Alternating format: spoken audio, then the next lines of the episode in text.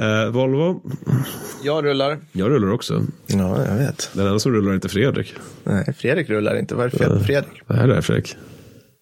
Discord har jävlas med mig säger jag. Discord, du har felat mig. Bra.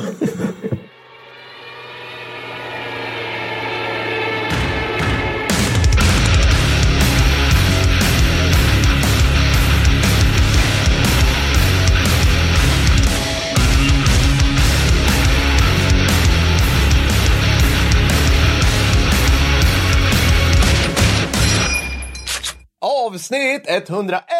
Välkomna, välkomna Per Wallin heter jag. Du heter Mattis Bergvall. Jag är fortfarande lite så här lyckorus efter att vi vunnit Guldpodden. Ja, precis. Det är lite old news för dem när vi, vi släpper Ja, det här. Men, men vi har, vet. för den som inte, för, för, alltså, vi, vi, Vi är, vi- världen, vi är Sveriges bästa podd. Alltså det är Ja, det jag försöker precis. säga. Det, det det vi försöker- bästa kulturpodd också. Och vi Mm. har Sveriges näst bästa klippare. Och det, det här släpps ju under nådens år 2023. Och jag tänkte att nästa höst så kommer Krigshistoriepoddens insatser för när det gäller det här med försöka vinna Guldpodden. Det kommer vara att tillse att Fredrik väl som bästa klippare. För det tycker jag han exakt. förtjänar. Så. Jag håller helt med. Jag, vi kan till och med säga så här, vi kan säga till alla de Podd, alla de poddar som kommer vara våra konkurrenter, vi får Mm. list, lista ut vilka de är. Och så säger vi bara så här, vi kommer säga åt dem att rösta, vi kommer säga åt våra, röst, våra lyssnare att rösta på er.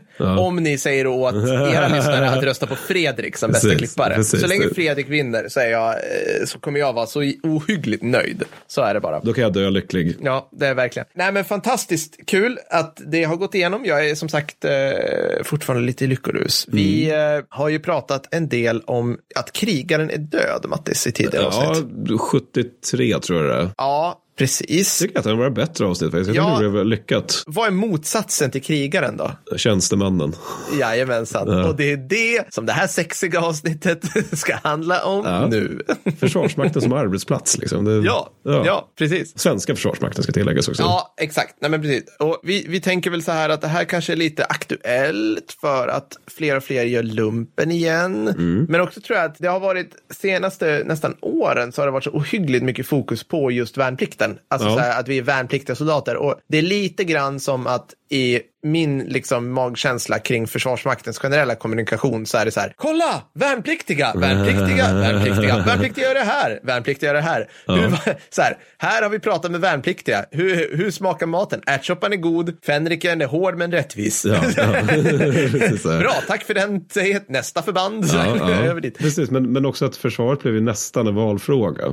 Just det, det. Mm. det är ju helt sjukt att det ens var nästan. Så att, och då, då är det ju liksom att då, då är, försvaret är ju för första gången på väldigt länge på grund av Darth Putin. Alltså, Så Mm. det är ju det liksom någonting som man faktiskt diskuterar i den allmänna debatten. Och då, då finns det väl liksom någon form av poäng att diskutera huruvida försvarsmakten är liksom enormt bitiga män som har klippt av armarna på sina M90-uniformer. Mm. Som sprayar med en KSP 90 för varje hand och skriker att de helst aldrig ska ge upp. Nej. Eller om det är liksom mer liksom att det, det är en arbetsplats. Ja, exakt. Ja, Men precis. Och, då går vi, vi kommer liksom nöta lite i så här, vad är egentligen en modern armé och vad har du sett på krigsfilmer och Ja. kod vad en, vad, är, vad en modern armé är. Jag måste bara fråga, apropå det, det här är också lite old men du vet att det har kommit en remake av Modern Warfare 2 va? Eh, jag har nog sett det. Ja. Det var ett litet tag sedan va? Ja, Eller? men det, det är någon gång i höstas kom det. Ja. Men, men, och då är det liksom att eh, ha, hade ju liksom så här, du vet första COD som är andra världskriget. Ja. Det var så här, du vet allvarligt, de intervjuade veteraner och tog inspiration Ja, av ja, deras ja. berättelser och sådär. Och sen så liksom spårar COD under Ja. vår uppväxt allt mer och mer Ja. och mer. Så att nu är vi ute i rymden. Ja. Och de här re remakesen, de är I ju liksom det här att typ så här. Ja. Ja, ja, ja, ja. Men precis. Men de här remakesen, de, de är ju liksom så här, nu ska det bli väldigt mycket mer grounded. Liksom, det ska bli gritty, så det ska vara real, liksom nästan realistiskt trots att det är kod. Och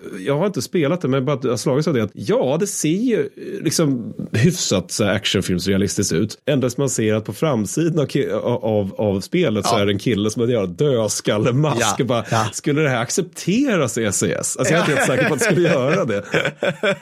Och det är typ en av huvudpersonerna, Ghost. Ja, ja, ja. Ja, Ghost, ja, såklart. Mm. Alltså, jag, tänker mig att så här, de klär ju, alltså undrar om, liksom inom specialförbanden runt om i världen, de har maskerader ibland. Ja. Och att de då klär ut sig till tv-spel. För jag kan inte tänka mig att, alltså det måste ju vara att de driver med det. För annars har de ju det som de behöver ha på sig för att lösa uppgiften, tråkigt nog. Ja, men alltså, det, det förekommer ju att man ser typ så också så här malaysiska specialförbandsoperatörer som har liksom balaklava balaklavor med, med dödskallar på. Ja, Men i det här ja. fallet är det att han har en halloween-mask uh, över, över balaklavan. Och det, det ser lite, jag vet inte, det ser inte så gritty och realistiskt ut kanske. Nej, alltså, nej. Ja, men så kan det vara. Ja, men jag, jag, jag gillar det. Ja, det var också något som, fan, vad- jo det var ju den, ja precis, jo men det, jag såg något så här, någon så här eh, playthrough eller gameplay från Mm. den remaken. Och då var det, om, om, det, om tanken är att det skulle vara realistiskt, Mm. då ska jag säga att den banan började med att han hoppade typ fallskärm, nej han skulle landa med en helikopter Ja. på en ambassad, Ja.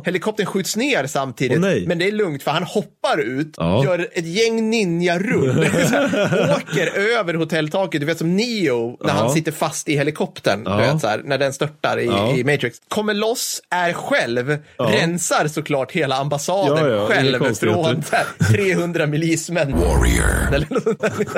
ja, inga konstigheter. Det är bara ytterligare en dag i de här männens liv. För att de är så jävla operatör. Och det är det här vi inte ska prata om. Men, Nej, precis. eh, Jag har en shoutout. Har du en shoutout? Eh, nej, jag har faktiskt ingen shoutout. nu. Nej, okej, men då tar jag Nej. min shoutout helt Ja, enkelt. jag kanske kommer på någon och då klipper vi in det.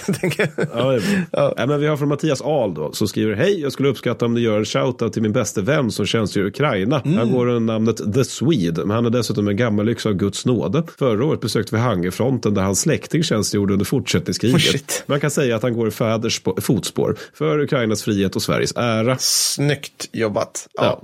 Den, den, då är det rätt bra att den shoutouten står själv, för det finns inget jag hade kunnat säga som kan... Ja, mycket. Ja, det är bara respekt. Ja, det är verkligen. Vi har, Okej. Det kan vi säga nu. Vi har någon fundering på om vi skulle på något sätt lyckas göra ett, ett avsnitt om svenska Ukraina frivilliga. Ja, stämmer. Men, men då måste vi intervjua folk. Ja, Så, men, men jag tror det kunde bli bra. det kan nog bli bra. Vi, vi, ska, vi ska sourca in lite folk kanske Ja, ja. till det här. Det här kommer leda till DMs förut. Ja, oh ja, jag vet. Brace yourself Mattis, DMs is coming. ja, låt oss höra lite så här kulsprutor och bomber, för det blir inte jättemycket sånt sen.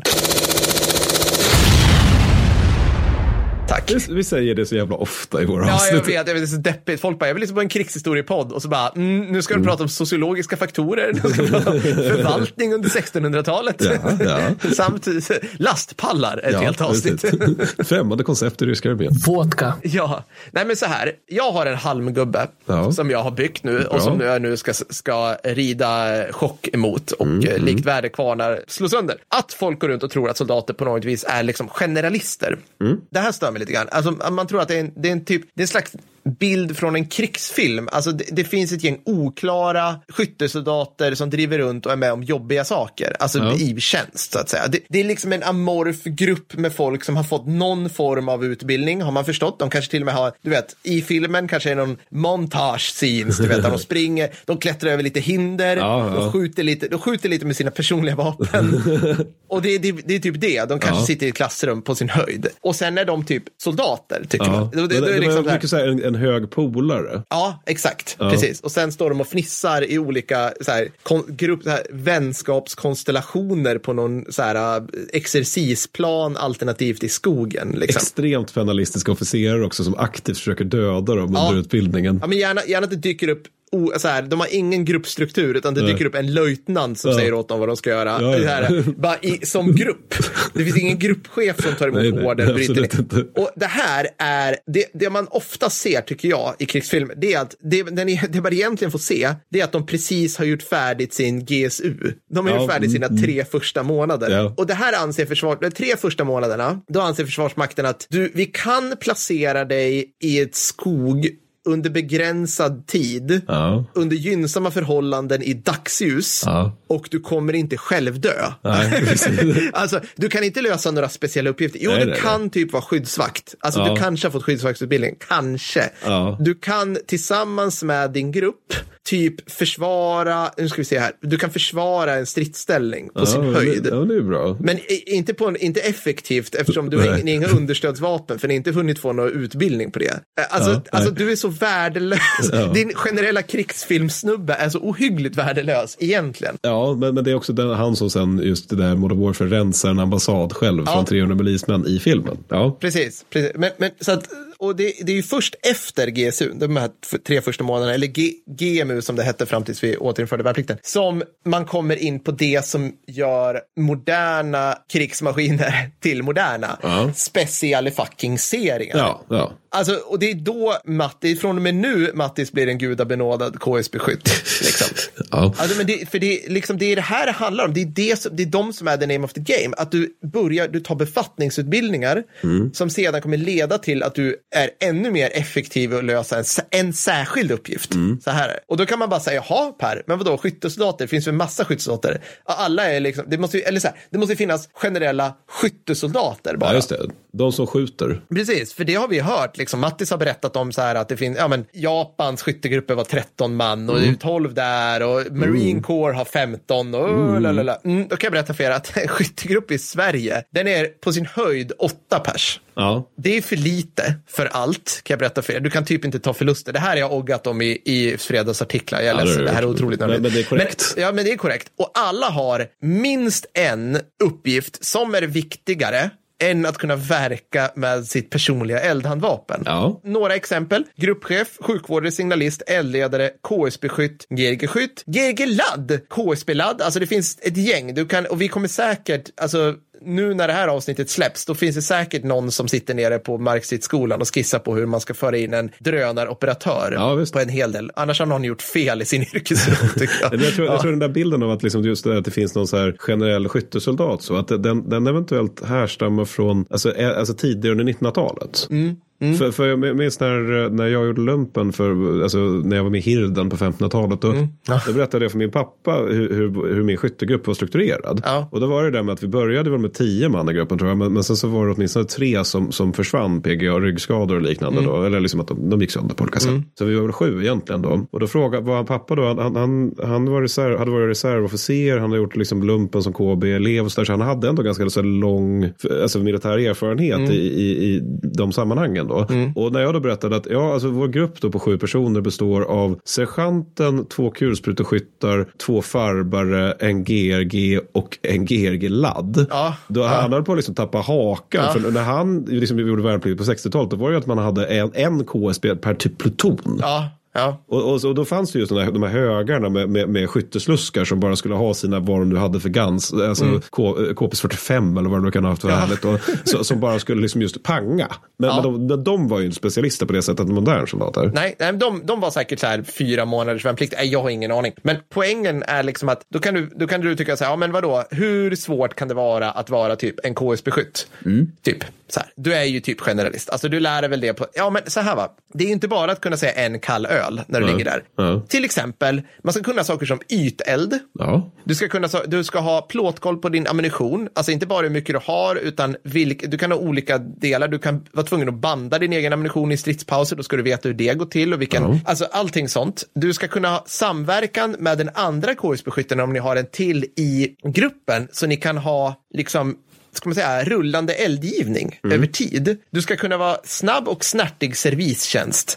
Och mycket, mycket mer. Du ska kunna repa en KSB 58 i ett träsk Ja. när den går sönder. Det är rätt mycket del. Alltså, jag vill bara säga så här, det, det finns massor med saker. Så man brukar ju ofta säga så här att ja, du har gjort en värnplikt som KSB-skytt till exempel, 58 eller 90. Då har du, du kanske har fått din, din, KS, din, din 90-utbildning, Mattis, kanske var fyra veckor, fem. Jag minns inte, nå- något sånt säkert. Säkert bra, den var säkert bra på det viset. Men det är ju inte så att man är färdig. Du menar att de som är KSB-skyttar i Soggen skulle vara bättre än mig när jag var 19? Alltså, Otänkbart. Helt otänkbart. alltså det är otänkbart. Jag tror Ja, verkligen ja. inte det. Du var, du, du var fulländad. Jag vet alla farbröder jag träffat har alltid sagt att värnpliktiga soldater är liksom de slutgiltiga soldaterna. Så, Alltså det där, alltså den där ska vi skjuta hål på, den lilla. oj, oj, oj. blir det inte bättre än så? Nej, men så här, och, eh, sen, och sen då, om du då är färdig, det är då du, det är då du lär dig din kamrats befattning. Och nu blir det snurrigt, för då blir man generalister igen. Just det, just det. det som jag precis sköt sagt. Ja, men, och det här gäller ju, jag vill bara ta det, det här gäller ju bara på skyttegrupper. Mm. Och även om, här, låt oss säga att du lyckats vara generalist, så att säga. Du som individ i en skyttegrupp är rätt ointressant. Det handlar ju mycket om vad gruppen kan prestera, för som skyttegrupp så är man en, så att säga, eldenhet. Mm. Du ska inte ens lösa stridsuppgifter egentligen, utan det gör man på plutonsnivå. Det betyder ju att är man en någorlunda kompetent gruppchef, som för övrigt har, han är verkligen inte generalist, han har massa grejer, handleds, GPSer och radioapparater och skit som han har på sig. Då kommer ju du tillse så här att, ja men okej, jag vet att Fredrik, han är, han är den som kastar handgranater bäst här, mest pricksäker. Då kommer Fredrik få alla handgranater på sig. Ja. Och sen kommer han vara den som alltid går grenadjär. först. Han är grenadjär. Alltså, så här, För det är ju så det funkar. Man, man är ju, om man är en duglig chef, då ser man ju till att hitta de som är bäst på någonting och sen får de göra det. Tills de stupar, höll jag på att säga. ja, men för det är ju bäst för gruppen och det är bäst för att lösa Absolut, uppgiften. absolut. Jag, jag minns, har du minns du ett citat som var eh, alla måste vara multikompetenta? Ja, åh herregud. Ja, exakt. Ja, Mm, det är det. 13 personer som lyssnar på det här som kommer garva åt den. Men ja, Ja. ja fortsätt. Shoutout till er. Ja, shoutout till er. Ja. Ja, men precis. Nej, men exakt. Så att en bra chef vet vilka som är liksom styrkan hos under, underställd personal. helt Ja, enkelt, och försöker precis. göra det bästa med den styrkan som de kan. Ja, och nu är jag inne och pratar om bara liksom det stora kriget. Alltså, Mm. även när du som anställd soldat efter fullgjord värnplikt etc. traskar runt på liksom, motorplan, inte har så mycket att göra, så kommer du ändå ha kompetenser som en duglig chef kan nyttja. Mm. Jag var fysansvarig på min pluton ett tag. Ansvarig för att sätta upp träningspass, la la la la. Någon annan, jag hade en annan soldat en gång, han var duktig, liksom, han var jävligt nitisk när det gällde vård. Mm. Han var ansvarig för att vårda våra fordon, han fick eh, liksom chef över oss då. Alltså förstår du? Tack gode gud att det finns människor som tycker vård av fordon Ja, är ja, han är roligt. Fantastisk. Ja. Shoutout till Sandis. Ja, nej, men så att, så att det, jag vill bara säga liksom att du kommer hamna i en specialisering och det är inte konstigare än det, än det sker på vilken annan arbetsplats som helst. Nej, för så är det ju i samhället i stort också. Ja, precis. Alltså, Exakt. Gamla tiders människor var ju generalister. Alltså en, bond, en bondgård har beskriv, i 1600-tals-Sverige har beskrivits som nästan självförsörjande, exklusive salt. Ja. Och citat, lite pipa till far. Men, men, eh, men, men, och det är ju för att då, där kan ju liksom alla på bondgården kan odla sin egen mat, de kan ta hand om djur, de kan laga sina verktyg, de Ja. kan i viss mån bygga verktyg också. Vilket gör dem till extrema generalister. Men om vi skulle ta dig eller mig idag, då, då, då är det ju snarare tvärtom. Alltså, Ja. menar, vi är ganska duktiga på att podda. Are you sure about that? Ja, vi tillför det till samhället. Det gör vi, det gör Ja. vi. Men vi kan liksom inte bygga någon del av de grejer som, som, som står bakom att vi kan podda. Absolut alltså det här inte. jävla, liksom, det här, vad är det heter? Audacity som vi spelar in Ja. i. Har du kodat det, Mattis? Jag, vet, jag har ingen aning om hur det fungerar. Discord som vi pratar över. Häxkraft. Allt. Word som jag skriver mitt manus i. Svart magi. Svart magi. Alltså det, det är liksom, det, det, det, så, så det är liksom tvärtom samhälle mot det Mm. var då. För alltså, om eh, vi skulle liksom vara på 1600-talet då skulle vi ju veta hur alla de här stegen fungerade. Alltså det vill säga de stegen som är viktiga för vår födokrok. Då. Ja, och då ska vi också vara generalister. Nu är vi spe- specialister snarare. Nej, men exakt. Jag menar, allt nice i samhället kommer från att folk är specialister. Ja. Jag vill inte att en läkare ska börja lära sig att odla potatis. alltså, och det är sättet han får i sig mat. Jag Just vill det. inte det. Nej, jag vill att nej. han ska vara en jävligt bra läkare Ja, och läsa ja. läkartidningar. Yes, lä- alltså, yes. så här, det är det jag vill. Liksom, här. Nörd liksom. Det, det Ja, han ska vara ha. nörd i sin profession, hemskt gärna. Okej, tumregel ett hittills. Det här kommer bli avsnittet där det sitter officerare där ute och skruvar obehagligt på sig. För att militärstrategen P. Wallin Ja, kommer komma jävlar. flera så här, så här är det, avdömningar. Precis. Jag var överst i kod nämligen när jag le- levlade, så att eh, jag får, vara, jag får göra avdömningar. Ju mer, så här, är du med nu? Ja, jag är med. Ju mer snäva förband, desto högre grad av specialisering. Mm. Ju mer självständigt uppträdande, och här går skalan från admintant på högkvarteret till spaningsstridspar ifrån so förlåt, drabantkåren. Ja, just det. Just det. Viktigt. De- desto större krav på att man kan klara av alla stödfunktioner själv. Ja. Exempel, sjukvård. ja. Mattis, kan du berätta om sjukvårdarna i din grupp? Eh, vi hade inga sjukvårdare på gruppen. Vi Nej. hade dem på, eh, till att börja med, vi hade dem på stab och trosspluton vill jag minnas. Ja. Så vi var tre plutoner, skytte och sen så var vi trosspluton då. Ja. Och då, då, var ju, då, då fanns det sjukvårdssoldater där. Ja. Och de var väl vänliga människor så. Och de hade, de hade lite så här blodpåsar med sig som de hade i typ armhålorna. Och det var någon gång, det var no, fan minns inte riktigt hur det var, men det var någon, som- jag för att det var någon som faktiskt bröt benet under någon övning. Och då vill jag minnas att de fick rycka in och försöka fixa det. Oj, liksom, för skarpt de alltså. Ja. Ja, så det var liksom, det var, de var lite bleka efter det. Ja. Har jag för mig, det här är ett vagt minne. Men det var väl typ det, de var snälla, schyssta killar Ja. liksom. Du har ingen uppfattning om uh, omfattning på utbildning, annat än om jag tror att den var ungefär lika genomgående, awesome och slutgiltig som min utbildning som KS-beskytt. Det är min spontana misstanke. Ja, ja, Ja. mycket bra. Ja, men jag, jag, jag, jag, jag, misstänkte att du skulle säga så, så jag la Mattis sjukvårdare i lumpen längst ner på min kompetenstrappa. Lite grann. Ja, Inget illa om dem, Nej. men, men liksom, eh, sjukvård är en bra exempel. Så man börjar då med sjukvårdare i lumpen. Världen. Så här, Ja, inom ja. citationstecken. Det här tror jag är, jag har svårt, så här, nu när man börjar med värnplikt igen, jag har svårt att tro, jag vet inte hur fastställt det här är ifrån Försvarsmedicincentrum, att det ska finnas en, en typutbildning. På min tid, typ amfett, då var det typ, du där officer random, är du intresserad av sjukvård? Ja, men kanske bra. Då utbildar. Jaha, så här liksom. Ja. Okej, och så typ så här, de sprang runt liksom med typ en, en axelremsväska med några första förband. Jag tror för övrigt inte vi hade sjukvård på gruppen heller, men Nej. ja, någonstans fanns de säkert. Så det är liksom steg ett.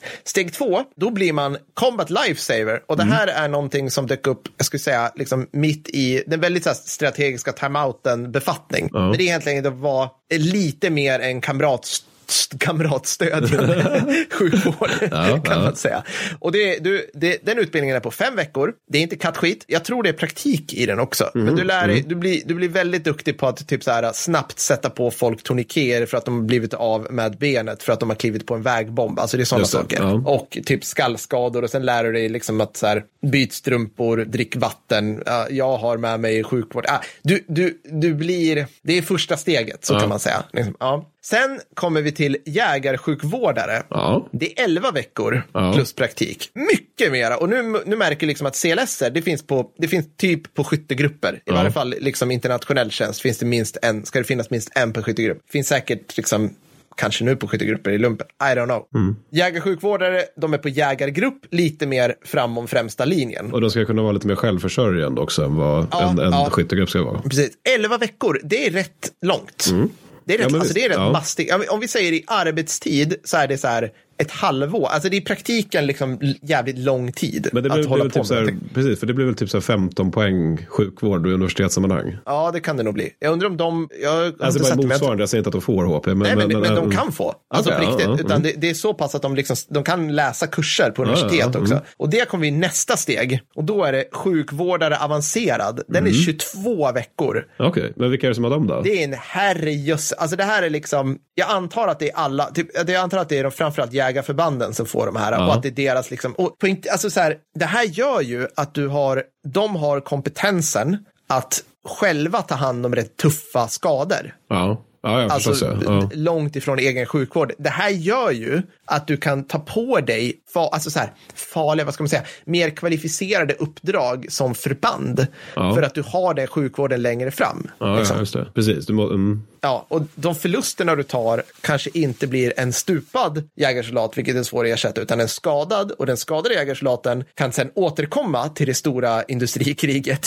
för att det fortsätter Mm, Ja. och försvara fosterlandet för att han blev omhändertagen av en sjukvårdare avancerad. Liksom. Sen steget över det här det är typ, alltså i, i liksom fältmässighet, det antar jag är typ så här drabant, eh, såg, eh, du, eh, klipp in det som är rätt nu när, när Ja. motionen gått igenom. Deras sjukvårdare, specialförbandets sjukvårdare, vilket jag antar är i paritet med typ en specialistsjuksköterska med inriktning trauma. Alltså, det, ja. Fast de är operatörer också. Ja, också där- killing machines. Ja, men jag tror, inte det finns, jag tror inte det finns en begränsning på den utbildningen de ger operatörer. Jag, jag tror verkligen. Och det här är så här paramedic plus plus nivå om man tittar på så här NATO-standard. Och jag menar, det här är ju att få någon att gå igenom den här pipelinen av utbildning. Alltså du kanske går alla de här tre stegen. Liksom. Du kanske är CLS eh, i lumpen, sen söker du till jägarförband, du blir jägarsjukvårdare, sen söker du till SOGgen, då blir du, får du gå den här. Det är ju åratal och Ja. åratal. Alltså, Ja, du, du är ganska bra på sju- stridssjukvård. du är svinbra på att sätta plåster efter Ja. det här.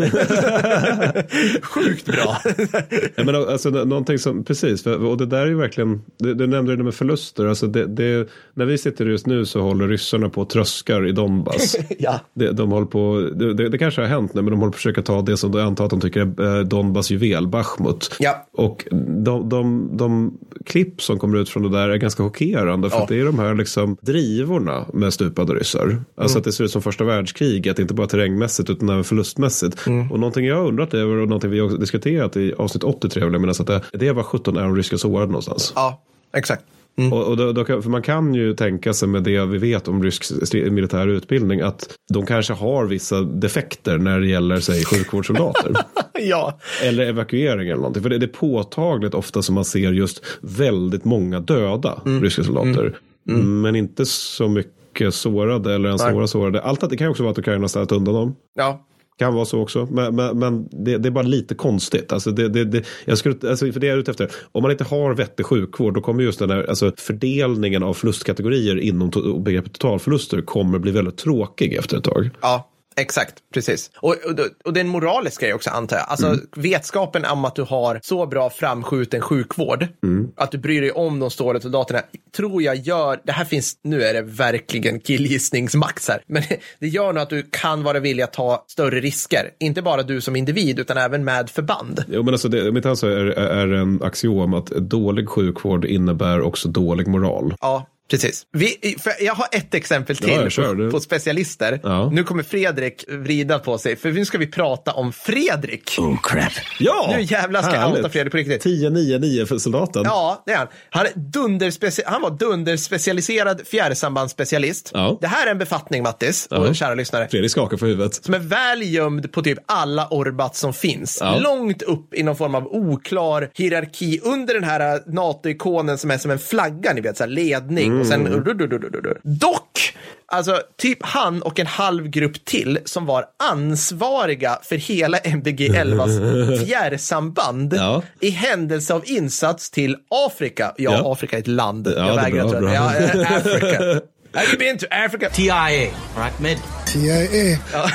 Stora vita fläckar, många frågetecken på kartan. Ja, ja, ja here they be dragons. Men, så det är ju, och liksom Fredriks utbildning kommer inte dyka upp i krigsfilmer. I'm sorry Fredrik, det Nej. kommer inte göra det. För att det är, det är Fredrik som sitter och kliar sig i skägget som man inte hade för han var välrakad uh, ung man. Ja. Och liksom tittar på en dator och skruvar lite på någonting och riktar in en parabol och säger hmm. Och sen är det en Fänrik som inte alls skriker. Nej. Utan säger så här, jag tror vi ska göra vad tror ni? Okej, okay, men om vi riktar in den här, skruva där och så ja. kollar. För de, de var typ kollegor. Ja. Och det är det här jag försöker komma till. Det finns ett gemensamt problem och du kan inte behandla folk som alltså, så här, vråla åt dem som orcher och Nej. tro att de kan hantera sådana här system. Nej. Och det här såg ju jag på nära, eller hyfsat nära håll, liksom, att de hade massa grejer som jag absolut inte fattar vad det är. Jag kan ge mig fan på att det är samma sak i typ snävigaste tekniktunga delarna av luftvärnet. Ja. Du vet, ja, du vrålar inte åt någon som sitter Nej, framför en enorm radarstation. För, för, det är ju en arbetsplats. Det är en arbetsplats, Man, man måste precis, ha liksom, liksom. Ett konstruktivt, en konstruktiv arbetsmiljö eller ett konstruktivt arbetsklimat. Ja, ja, och alla ni som är sytar på,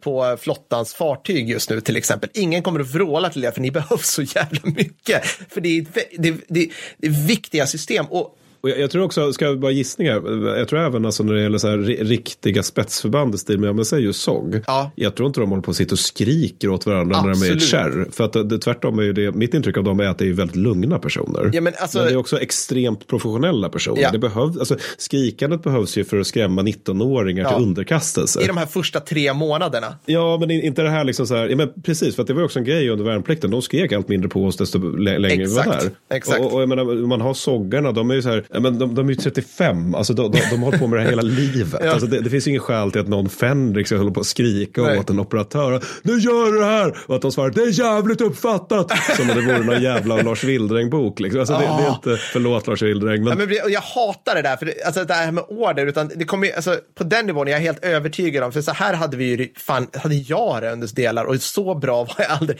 Alltså folk bara, okej, okay, uh, eh, ja men okej, okay, om typ två dagar så ska vi ut på operation, vi ska rulla dit och göra det i West of Mes. Mm. Ser du till att allting är bra tills dess eller? Mm. Ja visst. Klart, för det ligger i mitt intresse och det är min uppgift liksom. Ja. Det finns ingen jävel som bara, ja Wallin, första som ska hända är att du går ut till fordonet, sen tillser du att det finns där, sen går du dit och hämtar kanaldatorn. Nej, jag kan, alltså vi löser ju det här såklart. Ja, vi är inte ja. dumma i huvudet. Sen om det blir strid, då är det en annan femma. För då, då behöver ju någon liksom. Ja, men då måste man kunna kommunicera över eldgivning och man måste vara liksom tydlig. Men, men, men... Det här blir stora antikrigsfilmsavsnittet känner jag. Men, ja. men det stämmer att de skulle bli Sergeant Sixta, liksom bara när det är den här typen av vardagsstabsmiljö. Det, det, är ju otänkbart faktiskt. Nej, men precis. Så att, så att, och det jag ska komma till nu, och nu blir det ännu mer, liksom, det är det här att det är med soldater som Fredrik mm. som man tar striden till fienden och vinner den. Ja. Det är det här liksom ingen seger utan samband. Liksom. Mm. För att generalister kan överleva krig. De kan bedriva krig. Du kan ha, du kan ha 100 000 svinmotiverade 19-åringar som precis gjort sin GSU och de kan springa någonstans. Ja. Alltså, eller de kan springa mot fiendens kulsprutor. Exempel på episka generalister.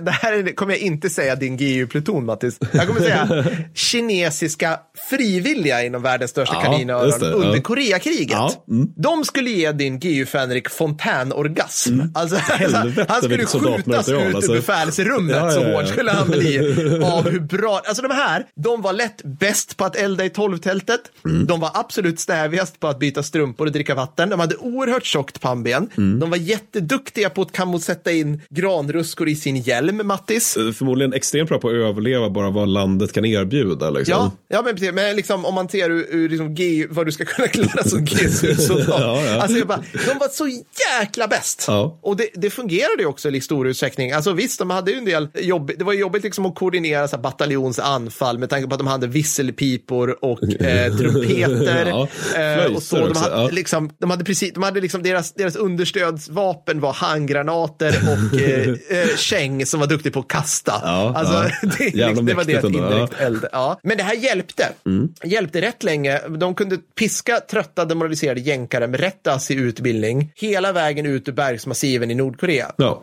Men sen, Men sen, men sen, sen dyker Ridgeway upp. sen dricker Ridgeway upp och helt plötsligt så är det så här att det spelar liksom ingen roll att vad ska man säga, den här, den här amerikanska signalisten inte kan göra lika många armhävningar som kineserna, inte är lika duktig på att sitta eldpost, inte, är, inte kan springa lika fort. För att han har en kortvågsradio som Ja. han kallar in napalm med Ja, ja, från amerikanska hangarfartyg.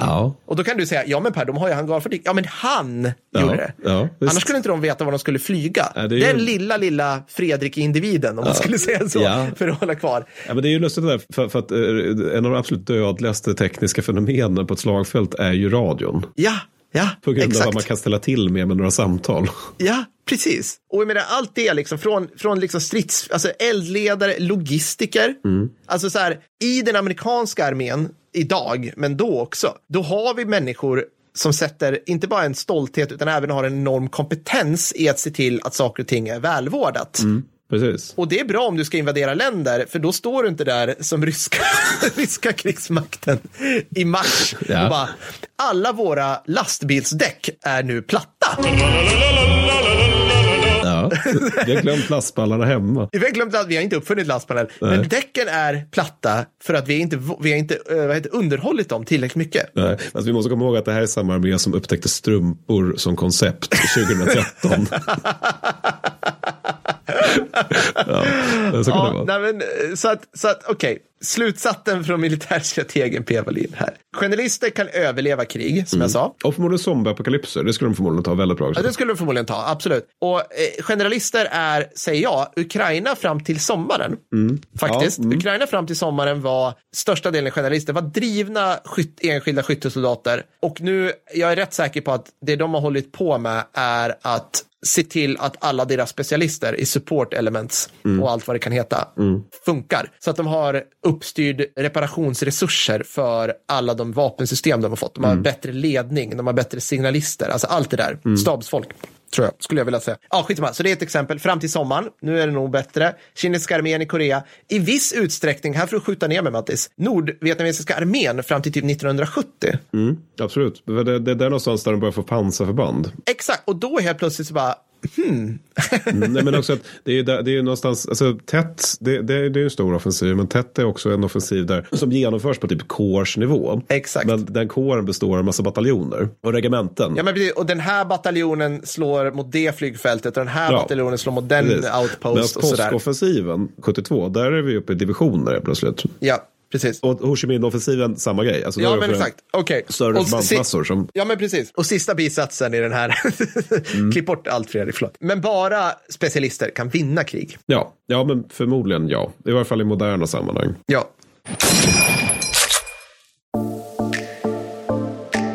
Passa på att slå till på Göstas specialistutbildningar för dig som är anställd i försvaret eller ska göra det. Du som bara vill bli bättre, du som vill bli en riktig specialist. Han tillser att du blir eldledare, stridssjukvårdare eller ohyggligt flink signalist bland mycket andra utbildningar på bara en dag. Oh my god! Hur är detta möjligt? Jo, tack vare att Gösta eh, i sin allt visdom eh, eliminerat svagheter i vanliga tröga utbildningar. Saker så som drill, praktiska övningar, förevisningar, utbildningsmaterial etc. Så det är inga problem att diska av de här i en handvändning. Mattis, du är väl både hoppinstruktör och bergsguide nu för tiden va? Jajamän. Ni hör, det finns inga hinder för din egen utveckling.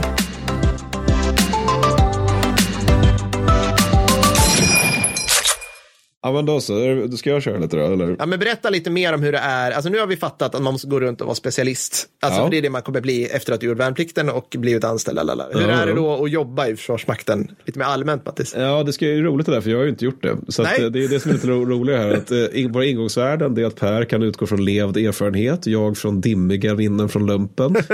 så det jag har gjort, min vana trogen, det är att jag har läst Riksrevisionen rapporter och Jajamensan. intervjuat två personer. Kan vi få Riksrevisionen jingeln? Ja, Tack. vackraste läsningen man kan hitta. Ja. Det, det är lustigt därför att hur, hur, hur dåliga vi svenskar är. För att ni, alltså, ni anar inte, kära lyssnare, eller det kanske ni gör, men hur många, hur mycket information det finns i pdf-form ifall man bara går in på olika departement. visst är det vackert? Alltså, och Ja. för det mesta är det så liksom att man läser dem så här, så här vad fan pratar media om? Vad pratar politikerna om? Liksom, det, här, det här är inte ett problem. Det kan vi se i den här pdfen. Alternativt, det här är ett problem. Det kan vi se i den här pdfen. Varför utgår vi inte från de här utredningarna som vi lägger väldigt mycket pengar från? Jag har intervjuat två personer också. Den ena är fanjunker Sven Lundin som är, svensk, som är instruktör, tillika specialistofficer med 12 och ett halvt års tjänstgöring. Mm. Och sen så har vi också mannen bakom Instakontot, Instakontot Taktisk som är yrkesofficer med 12-13 års tjänstgöring. Mm. Du har outat han som man nu i varje fall, så nu vet vi lite Ja, det har mer. jag gjort. Det har jag gjort. Ja, precis. Ja, han är lite hemlig av sig. Det, men jag, Ja. jag har nu också en röst. eh, Så, så att, eh, det, ja. Han har inte sagt sitt namn till dig, eller? Nej, det har Nej, han han har inte det. Nej, okej. Nej, men jag har full förståelse för det. Han vill vara Ja, ja, anonym. ja. Det Nej, får han men fair absolut vara. Det, Ingen fara. Nej, men så- det de säger, om man ska bara sammanfatta lite grann eh, som en inledning, det är att det de säger om F, Försvarsmakten, det, det är att det är en rolig och meningsfull arbetsplats som Mm. eh, innehåller mycket friktion och frustration. Ja. Och det här kanske du kan känna igen dig som ändå har varit eh, Ja. yrkessoldat, alltså. De, de har, alltså, det är väldigt mycket rutiner. Då. Så L- L- Lundin, hans rutiner är liksom utbildning, planering, hösttermin och truppföring vårtermin. Medan taktisk är, går att citera som att stundtals mindre händelsefullt än när jag jobbade civilt. Ja, Vilket är ganska intressant. ja, det det. För att det är nog inte så folk tänker sig, och återigen om vi utgår från instabilden av Försvarsmakten. Nej. Det är väldigt mycket som exploderar där då. Ja, och det är mycket, mycket så här kvalificerad Ja, utbildning mm, som bedrivs över tid också. Du får, alla går alltid bra kurser eller är på givande övningar. Mm. Ja, Jag kan inte ens säga det här utan att skratta. Nej, för att det, Ja, men just det, det räcker med att ha gjort värnplikt för att veta att alla övningar man gjorde som soldat var inte nödvändigtvis givande. Men, men så kan det vara. Men, men och, han sa- också att ytterst sällan så, eh, så sker det dock liksom, eh, det han kallar plötsliga omvärldshändelser och då blir det mer jobb. Ja. Men det är väldigt ovanligt. Jag tror med det han menar typ ryssarna invaderar Ukraina eller någonting åt det hållet. Men, men ingen, ingen av dem hade särskilt mycket så här jobba kvällar och helger så. För att det jag, det jag fokuserade på när jag intervjuade dem det var just liksom hur är Försvarsmakten som arbetsplats. Ja. Mm. Och det jag tänkte mig då var väl att man jobbar väl över hela tiden, men inte de två. Nej. Men de menar på att det var också en fråga om befattning. Alltså att om man, de var ensamma att om man, om man jobbar som SÄK eller militärpolis så kan det vara så att man måste göra saker nu. Ja. Och det är oavsett om det är jour eller ej. Liksom. Men, men också att det här är liksom lite av en förbandskulturell fråga. Alltså taktiskt med- menar på att vissa förband har tabu kring övertid. Alltså att man ska absolut inte jobba övertid. Medan Lundin menar då att det hos vissa förband är outtalat förväntat att man ska jobba över. Vilket folk gör på grund av att de är lojala till soldater och kollegor. Så. jag fick ju höra att eh, där jag jobbade så fanns det något som heter karriärstid. Eller något sånt där. Mm. Ja, och jag, det finns på flera Mm, förband. Och det är så här, det är den, de extra timmarna du ska ge utöver din arbetstid. Ja, yes, och det är ju helt sjukt. Alltså jag blir provocerad bara jag säger det, för att främja karriären. Ja, liksom. det, det, jag tänker att eh, arbetsjuridiskt är det nog inte helt som det ska vara. Så. Nej, min, min erfarenhet också ska jag säga att det här, ja det kan vara, att det, vä- som du sa, väldigt förbandsspecifikt. Och inte liksom nödvändigtvis att det är så här, och de som jobbar skarpast eller med svårast grejer just nu, alltså så här säk som ligger ute och spanar i skarp, alltså något sånt där, utan att det kan vara typ så här att någon får uppgiften för sent, att så här, kan du hålla i en skjutning här? Ja, och få sitta Mm, upp och rita risk till så här två på natten. Alltså det är så jävla o, det är, alltså det är bara så underkänt från, från ledningsnivåer och planeringsmässigt sett. Bara liksom. gissningar är nog också att sånt där nog kan förstärkas av att man som officersgrupp är väldigt lojal med varandra. Ja, ja, alltså att exakt. Bosse blev sjuk, då måste Kalle rycka in och ta över den övningen. Och då Ja. gör man det för att man vill vara en god kollega mot Bosse och man vill att hans soldater ska få en rimlig utbildning. Och då Ja. offrar man sin sömn och sin, sin, i värsta fall mentala hälsa. För jag tänker att utmattning måste vara en grej när det gäller sånt Det där. är verkligen en grej. Det är absolut en grej. Mm. Men, men, men, eh, men, men för Lundin han menar också att det fanns ändå samtidigt en, en acceptans in, inom Försvarsmakten från högre chefer att det kan bli för mycket ibland. Men, men att det här måste liksom på något sätt vägas med att somligt går inte riktigt att ta bort. Varför att om det händer någonting plötsligt så är det som stryks ofta utbildning och sånt som man kan vara flex- flexibel med. Och det som blir kvar är beredskap, rimligt, och högvakt. För att det är trots allt det som Ta mitt liv! ja, ja, precis. Nej, men, men så, så, så jag hade frågat också lite grann hur, hur man gör då utifrån det här med att det kan vara ganska slitet och stressigt så många då liksom Ja. hur, hur man jämkar ihop en försvarsmaktsanställning med att ha ett familjeliv. Och taktiskt menar jag, svarade ganska kort och koncist att ja, skilsmässostatistiken är nog ett svar. Ja, ja. Ja, ja. Korrekt. Men, men att han menar att det gäller framförallt äldre officerare. Medan yngre officerare, officerare prioriterar saker. Alltså de prioriterar annorlunda än äldre gardet. Ja. Ja. Äldre gardet är ett kall. Jag, liksom, jag är på nationens altare och offrar min kropp Ja. och mitt, Ja. min, min, mitt välmående. Ja. Medan yngre officerare är mer så här, jag har en BVC-tid. Tråkigt nog kapten, men jag måste gå på den. Eh, och, men, men att han beskrev det också som att, att det kunde samtidigt vara lite så här, att det kan vara lite svårt med saker som återhämtning efter en övning eftersom barnen är ju inte i barnomsorgen då. Nej, just det. Så det var att om, för då, då är pappa hemma eller mamma om man är Ja. kvinna. Då, så att då, då, då, måste, då måste ju barnen hem från förskolan. Och jag kan faktiskt inte tänka mig något mindre avslappnande än att vara ö, på ö, militär övning i två veckor. Sen hantera flera barn som eh, vill, egentligen vill vara på förskolan och är små åldrar. Det, det låter inte som, ja. Varför murkar man inte bara för förskolan? Ja, det undrar jag också. Jag skulle bara det, det, ljuga. ju, Det- det, det- ska ju vara arbetstid som du tar ut i... Alltså, ja, ja, visst. jag skulle... Ja. Ja. Nej, men, och just när det gällde utmattning och liknande så misstänkte han också att det fanns ett ganska stort mörkertal när det gällde utmattning och, Ja. och eh, folk som går in i väggen och så. För han, han, jag frågade, jag, jag har försökt hitta liksom, så- den typen av studier. Alltså, Mm. Det finns någonting om utmattade bland soldater. Och han konstaterade typ det jag hade kommit fram till genom den letningen att det man har lagt ut på är PTSD. Mm.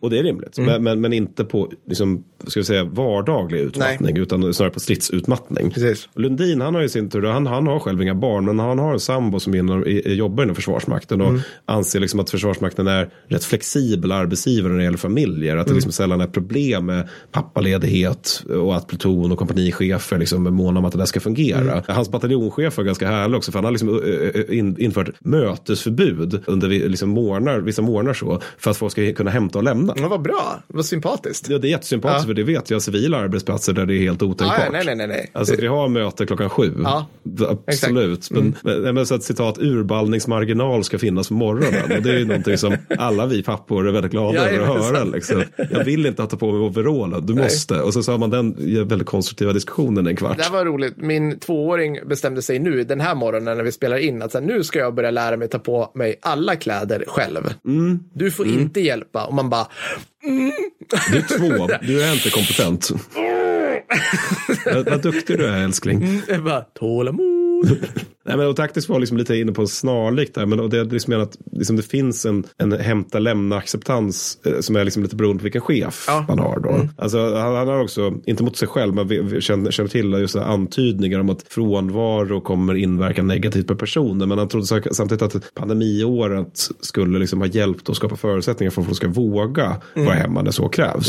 Men det, så det där är liksom basen så för, för mina intervjuer. Ja. Nu kommer jag börja liksom saxa mellan intervjuer och sånt som jag håller på att grotta i med olika jävla pdf-er som man hittar på olika jävla departement. Men jag kan, jag kan lägga till, alltså just för, att, för en shout-out, för jag intervjuade en, en eh, före detta yrkesofficer. Han jobbade på P4. Och där var det så här, det, det finns en grej inom Försvarsmakten att typ här, P4 får alla uppgifter. Ja, så här, alla bemanningar av alla internationella missioner, typ, alltså så här, P4 är en av de som, som gör saker mest hela tiden. Och att där ska utmattningsstatistiken vara helt bananas. Ja, alltså folk ska gå in i, och de, P4 har alltid chefer som alltid säger ja. Ja, det så att, typ, så här, det kommer något från högkvarteret, så här, kan ni bemanna Mali någonting, någonting? Mm. Och de bara sitter där på högkvarteret, eller ja, regstab eller vad det nu kan vara och bara ja. Självfallet. Och sen släpper de vidare bajsmackorna ner till så här bataljoner och kompanier som bara hjärtinfarkt för att de har precis roterat hem från Affe någonting och ska precis börja utbildningsår det och det och har brist på det och du vet. Så det här är, det här är Sveriges svar på, på den här estniska bataljonen som bara åker runt till Ja. alla, liksom, följer NATOs nycker. Ja, jag tror det. Exakt. Alltid roterande, liksom, något håll. Liksom. Ja. Nej, men jag tänkte att vi skulle prata lite löner. Ja, oh, spännande. Mm. Ja, Åh, snittsvensken. Vet du vad snittsvensken tjänar i lön Per? Det vet jag faktiskt inte. Nej. Nej, men jag, jag, jag, det är rätt bra ändå tycker jag. 37 100 kronor Oh, månaden. Det var bättre än vad jag trodde. Ja, samma här. Det, men, men, eh, och media, medianlönen för en eh, officer eller specialistofficer, den är något lägre. 34 900 vid 35 års ålder. Och Mm. då har man ju gått, en treårig utbildning. Så det här, det här lönen är lite grann som det är för många, för till exempel socionomer, om man skulle stanna på den lönenivån. Alltså att det här är en lön som är under snittet och som inte heller kommer motsvara, eller liksom vara värd utbildningstiden. Nej, nej, just det. Så, och så är det bara. Ja. Men översta till exempel, alltså får man ju få bättre lön ju högre, ju högre grad man har. Då, men, men en översta snittar 46 400 kronor då. Mm. Och det är ju markant bättre. Samtidigt vet jag fan om jag tycker att det är svinbra för någon som nog inte är purung längre. För att Nej. den översta, då är du ju, alltså, du, du är ju ofta 50-60 där någonstans faktiskt.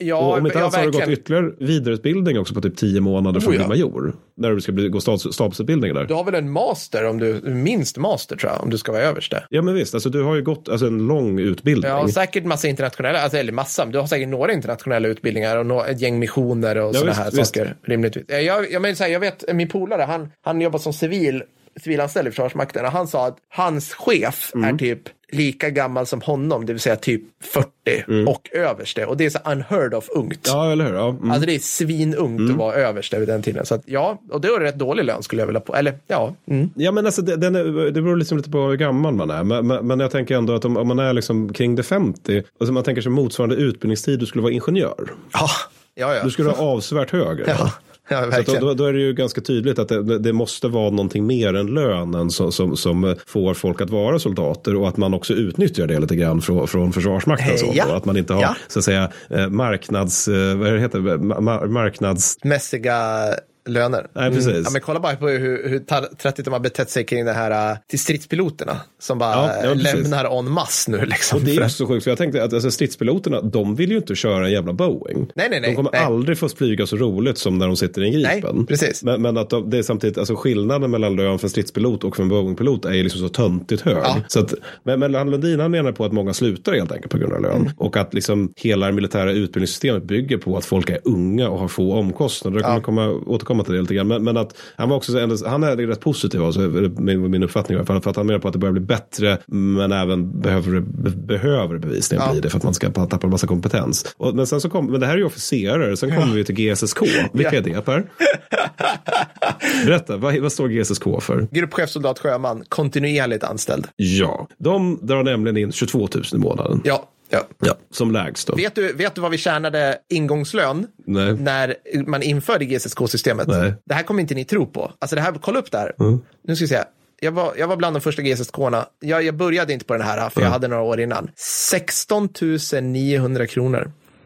Ja, då, då, det är fruktansvärt dåligt. Det är så dåligt att det var så här, man, vi, vi tog ut sådana här listor, så här, här, på den här tiden fanns Metro, Metro Mm. hade så här, de sämst betalda yrkena i Sverige. Och jag tror typ så här, diverse arbetare i lantbruket Ja. började på 18. Ja, check, check. Så vi, hade inte, vi var inte ens med på skalan. De fa- alltså det var liksom, Det är så här, polska bärplockare hade en bättre lön än vad Ja, vi hade. ja, ja, ja. Ja. Och, och då kan man ju alltid säga så här, jo men ni fick väl tillägg för OB och så där som också kommer komma till. Mm. Men så, då kan man också konstatera, jo men ni förmånsbeskattades för maten Ja. ni åt. Ja. För att det Ja. här med att off, eventuellt offra sitt liv för helheten Sverige, Ja. ah, vi kan inte bjuda på käket, Nej. det vore ju helt orimligt. och verkligen inte, verkligen inte boende heller. Det ska gudarna veta. liksom. nej, nej. Otänkbart. Nej. men, och de snittar ju 25, 25 000 Okej, då. Och grejen är att 25 000, det tänker jag att det skulle jag nog tycka var ganska kul ifall jag var 25 år gammal. Eller 20 år gammal Ja, du? Ja. För, för att när jag var 20 tyckte jag CSN var ändå sanslösa summor. Alltså jag, jag sparade CSN och kunde åka till Asien ett halvår på sparat CSN. Det är helt, du är helt sjuk. Det måste Ja, jag det är möjligtvis sant. Men, men, men det, det, det, tricket är att köpa på systemet snarare än krogen. Ja, det, är, det ja. är mycket enkelt. Mycket bra. Men jag tänker att det är liksom lite mindre kul om man är GSSK och är 30 Ja. och ska skaffa Ja. familj. Ja. Mm, Alltså för jag menar, när du är 20 då kanske du fortfarande bor hos mamma. Men om du är 30 och du, du och din sambo, ja men fan vi kanske ska ha en unge liksom och Mm. Du fortfarande harvar runt på 25 000. Där börjar det bli lite svårare. Ja. Och taktiskt hade det här en rätt bra, intressant invändning. För han tyckte att det här är någonstans en skälig ingångslön för färsk basse som inte bevisat förmåga. Men det exakt. är oskäligt när man tänker sig en riktigt ruttad GS, GSSK som uppvisat och anskaffat kunskap liksom, och gått flera utbildningar. Och det är också o, oskäligt eftersom många ska liksom vara gripbara oavsett tid och plats. Ja. Liksom, att de lever under en slags konstant jour. Ja. Och då börjar 25 bli ganska dåligt, Ja, Och då kan man ju tänka, men OB då? Eller liksom, du, du Ah, får ju liksom tillägg för övningar och sånt där. Ja. Och jo, absolut, det finns. Om du tjänar 30 000 som officer och jobbar helg på grund av exempelvis övning då, ska, ska du få 561 kronor per dygn då som du jobbar Mm. På övning. Och det här, många övningsdygn då, det är markant högre lön. Så om, du bara liksom tar 20 övningsdygn under en månad, då är du ju uppe i över 40k. Exakt. Eh, men vad blir timlönen på det då? Om vi återgår till... Ja, också den här liksom aspekten att du måste med andra ord vara borta från ditt hem, din familj och dina barn Ja, under ja. majoriteten av en månad för att få hem en utmärkt lön just den månaden. Och visst, liksom, du får ju kompensationsledigt som sagt, men det ska du ta hand om ungarna då. Ja. Och dels är det ju också att alla dina kompisar jobbar väl då? Ja, ja, alltså, det. Mm. när du är kompensationsledig. Och liksom, om gör du inte det här, då är du tillbaka ändå en relativt låg lön då. Och det här finns också en risk att det blir mer av det här, för att alltså, taktiskt konstaterande när det gäller det här med att vi ska ha tillbaks eh, värnplikt och totalförsvarskoncept. Det är vad han kallade en citat, in, innebär övermäktig uppgift på grund av för få officerare. Ja. Men, och Lundin återigen mer positiv, för han tyckte att liksom, dyker upp mer pengar och fler ö- för bland annat övningsdygn. Mm, då, Så att det liksom, det är ändå, men, men nu har vi då rubriken frustrationer. Va, har vi inte varit inne på frustration? Nej, jag nej, nej, sitter det- här jättefrustrerad redan Ja, ja, jag vet. Okej.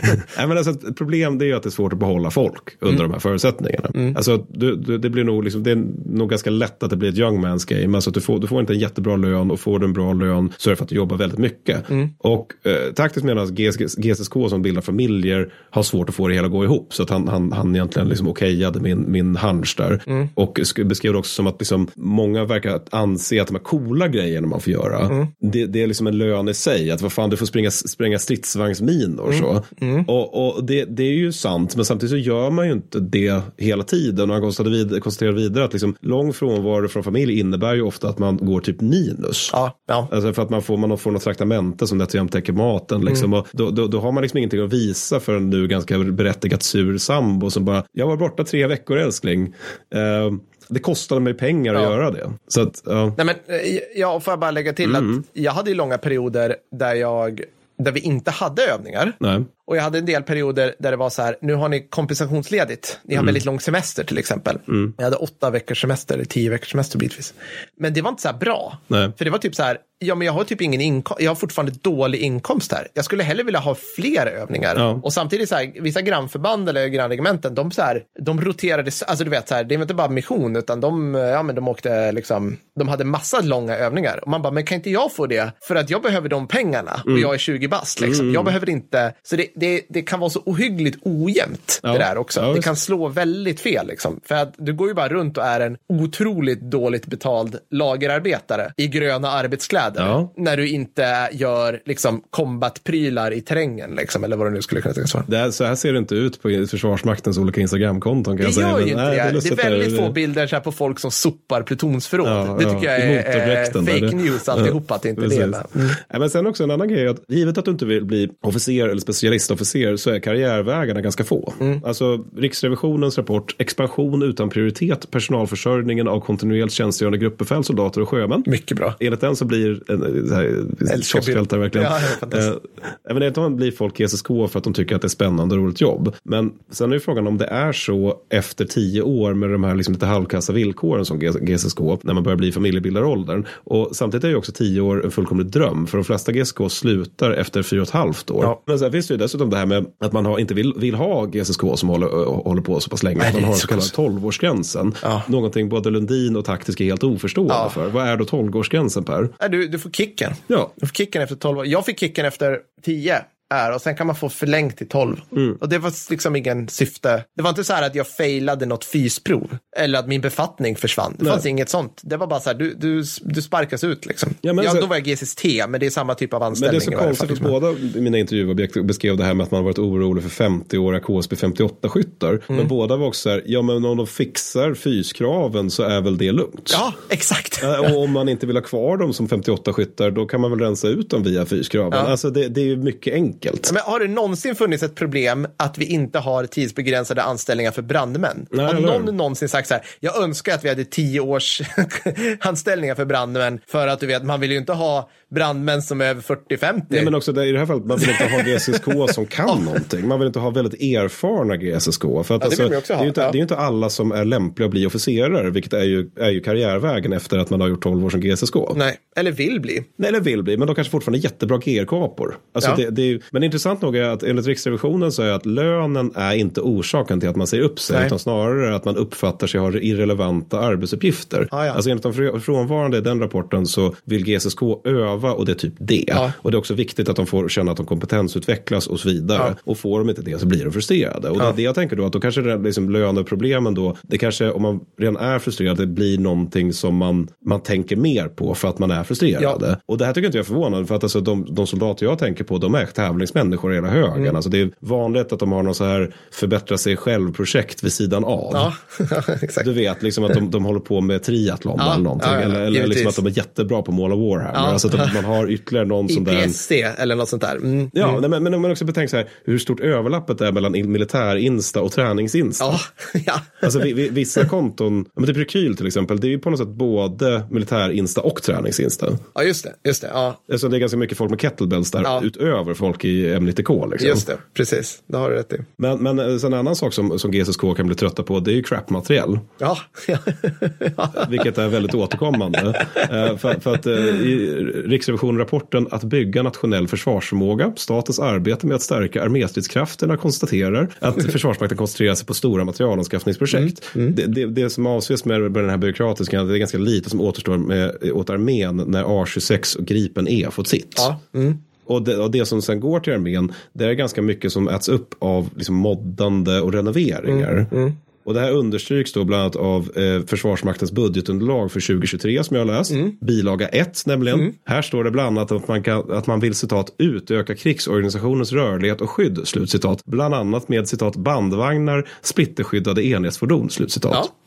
Det här Per, jag tror det här står typ ordagrant i försvarsbeslut 1958.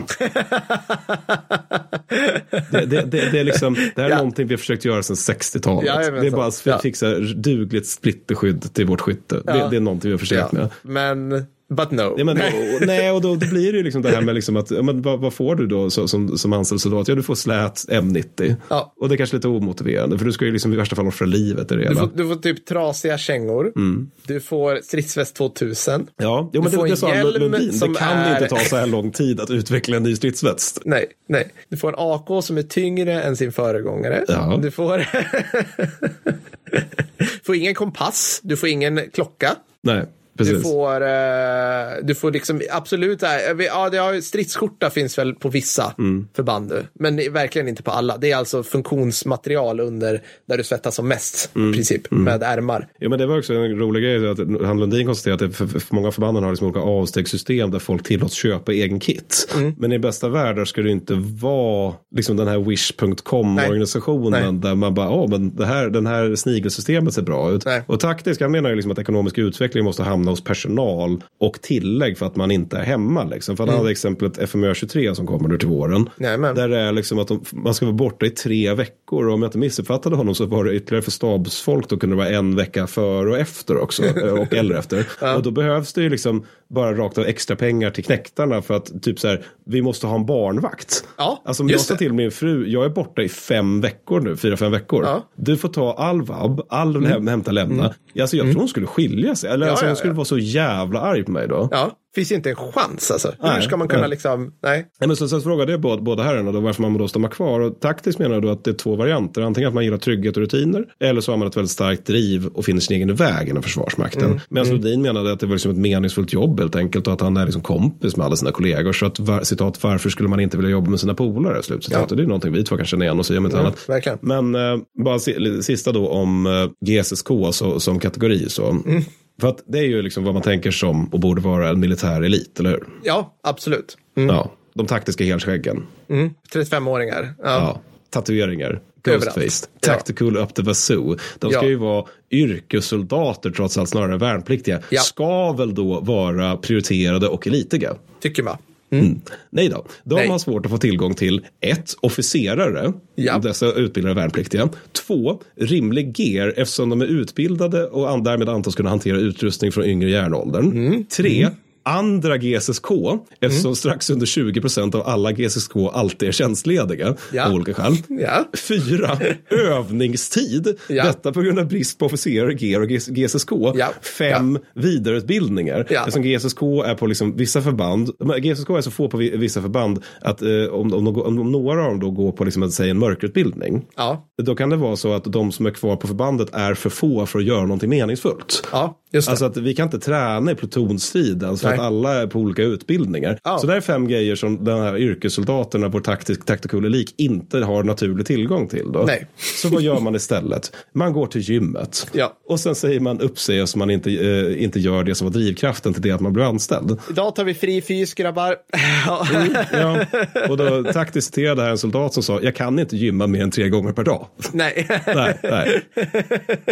För, för han var liksom lite inne på att det, det problemet med att GSSK hoppar av i så stor omfattning som de gör är att man liksom, får man ingen utmal, utmaning vill man ha lön och ledighet. Ja. Får man inte de två så återstår liksom inte så mycket. Och problemet är, är inte att man inte blir uppmärksammad av allmänheten, liksom det här thank you for your service grejen, Nej. utan problemet är att man inte får göra det som man såns in att man ska få göra helt Nej. enkelt. Utan Precis. man går och gymmar hela tiden. Ja. Det är inte så jävla roligt. Så bara avslutningsvis så frågade jag de två herrarna då, är, liksom, är Försvarsmakten en arbetsplats som alla andra? Vad sa herrarna? Ja, Lundin svarade då att ja, arbetsrättsjuridiskt. Ja. Men sen menar han att liksom väldigt många inom Försvarsmakten är mycket mer engagerade än de är på andra arbetsplatser. Ja. Och sen la han till också att detta att folk försöker döda dig är även lite annorlunda. Det kan man ju hålla med om.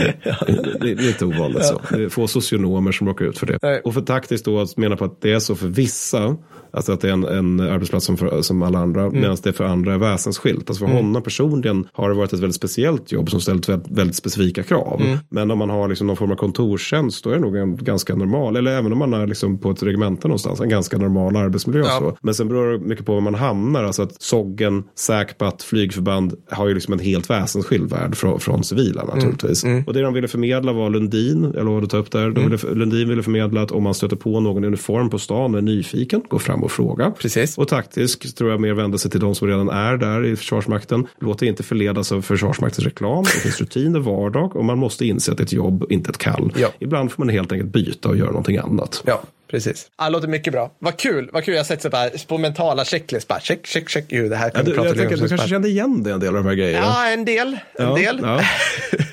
Skönt att så här, tio år, nej inte tio år, åtta år efter att jag slutade som heltidsanställd, Mm. alltså KR, så är det inte jättemycket som har förändrats. Nej, nej. man kan bara gymma två gånger per dag max. Alltså Ja. det går liksom Nej, men det är också så, så, så länge jag har känt folk som har varit i grönkläder har de ju klagat på precis samma saker. Alltså att det, det, det, det är all, alltid så här, hur, hur är det? Ja, det är ganska låg lön, Ja. ganska mycket jobb. Ja, Men precis. det är ganska roligt också. Ja, man får liksom anstränga sig ibland för att säga så här, har jag gjort något den här veckan? Mm. Ja. Ja.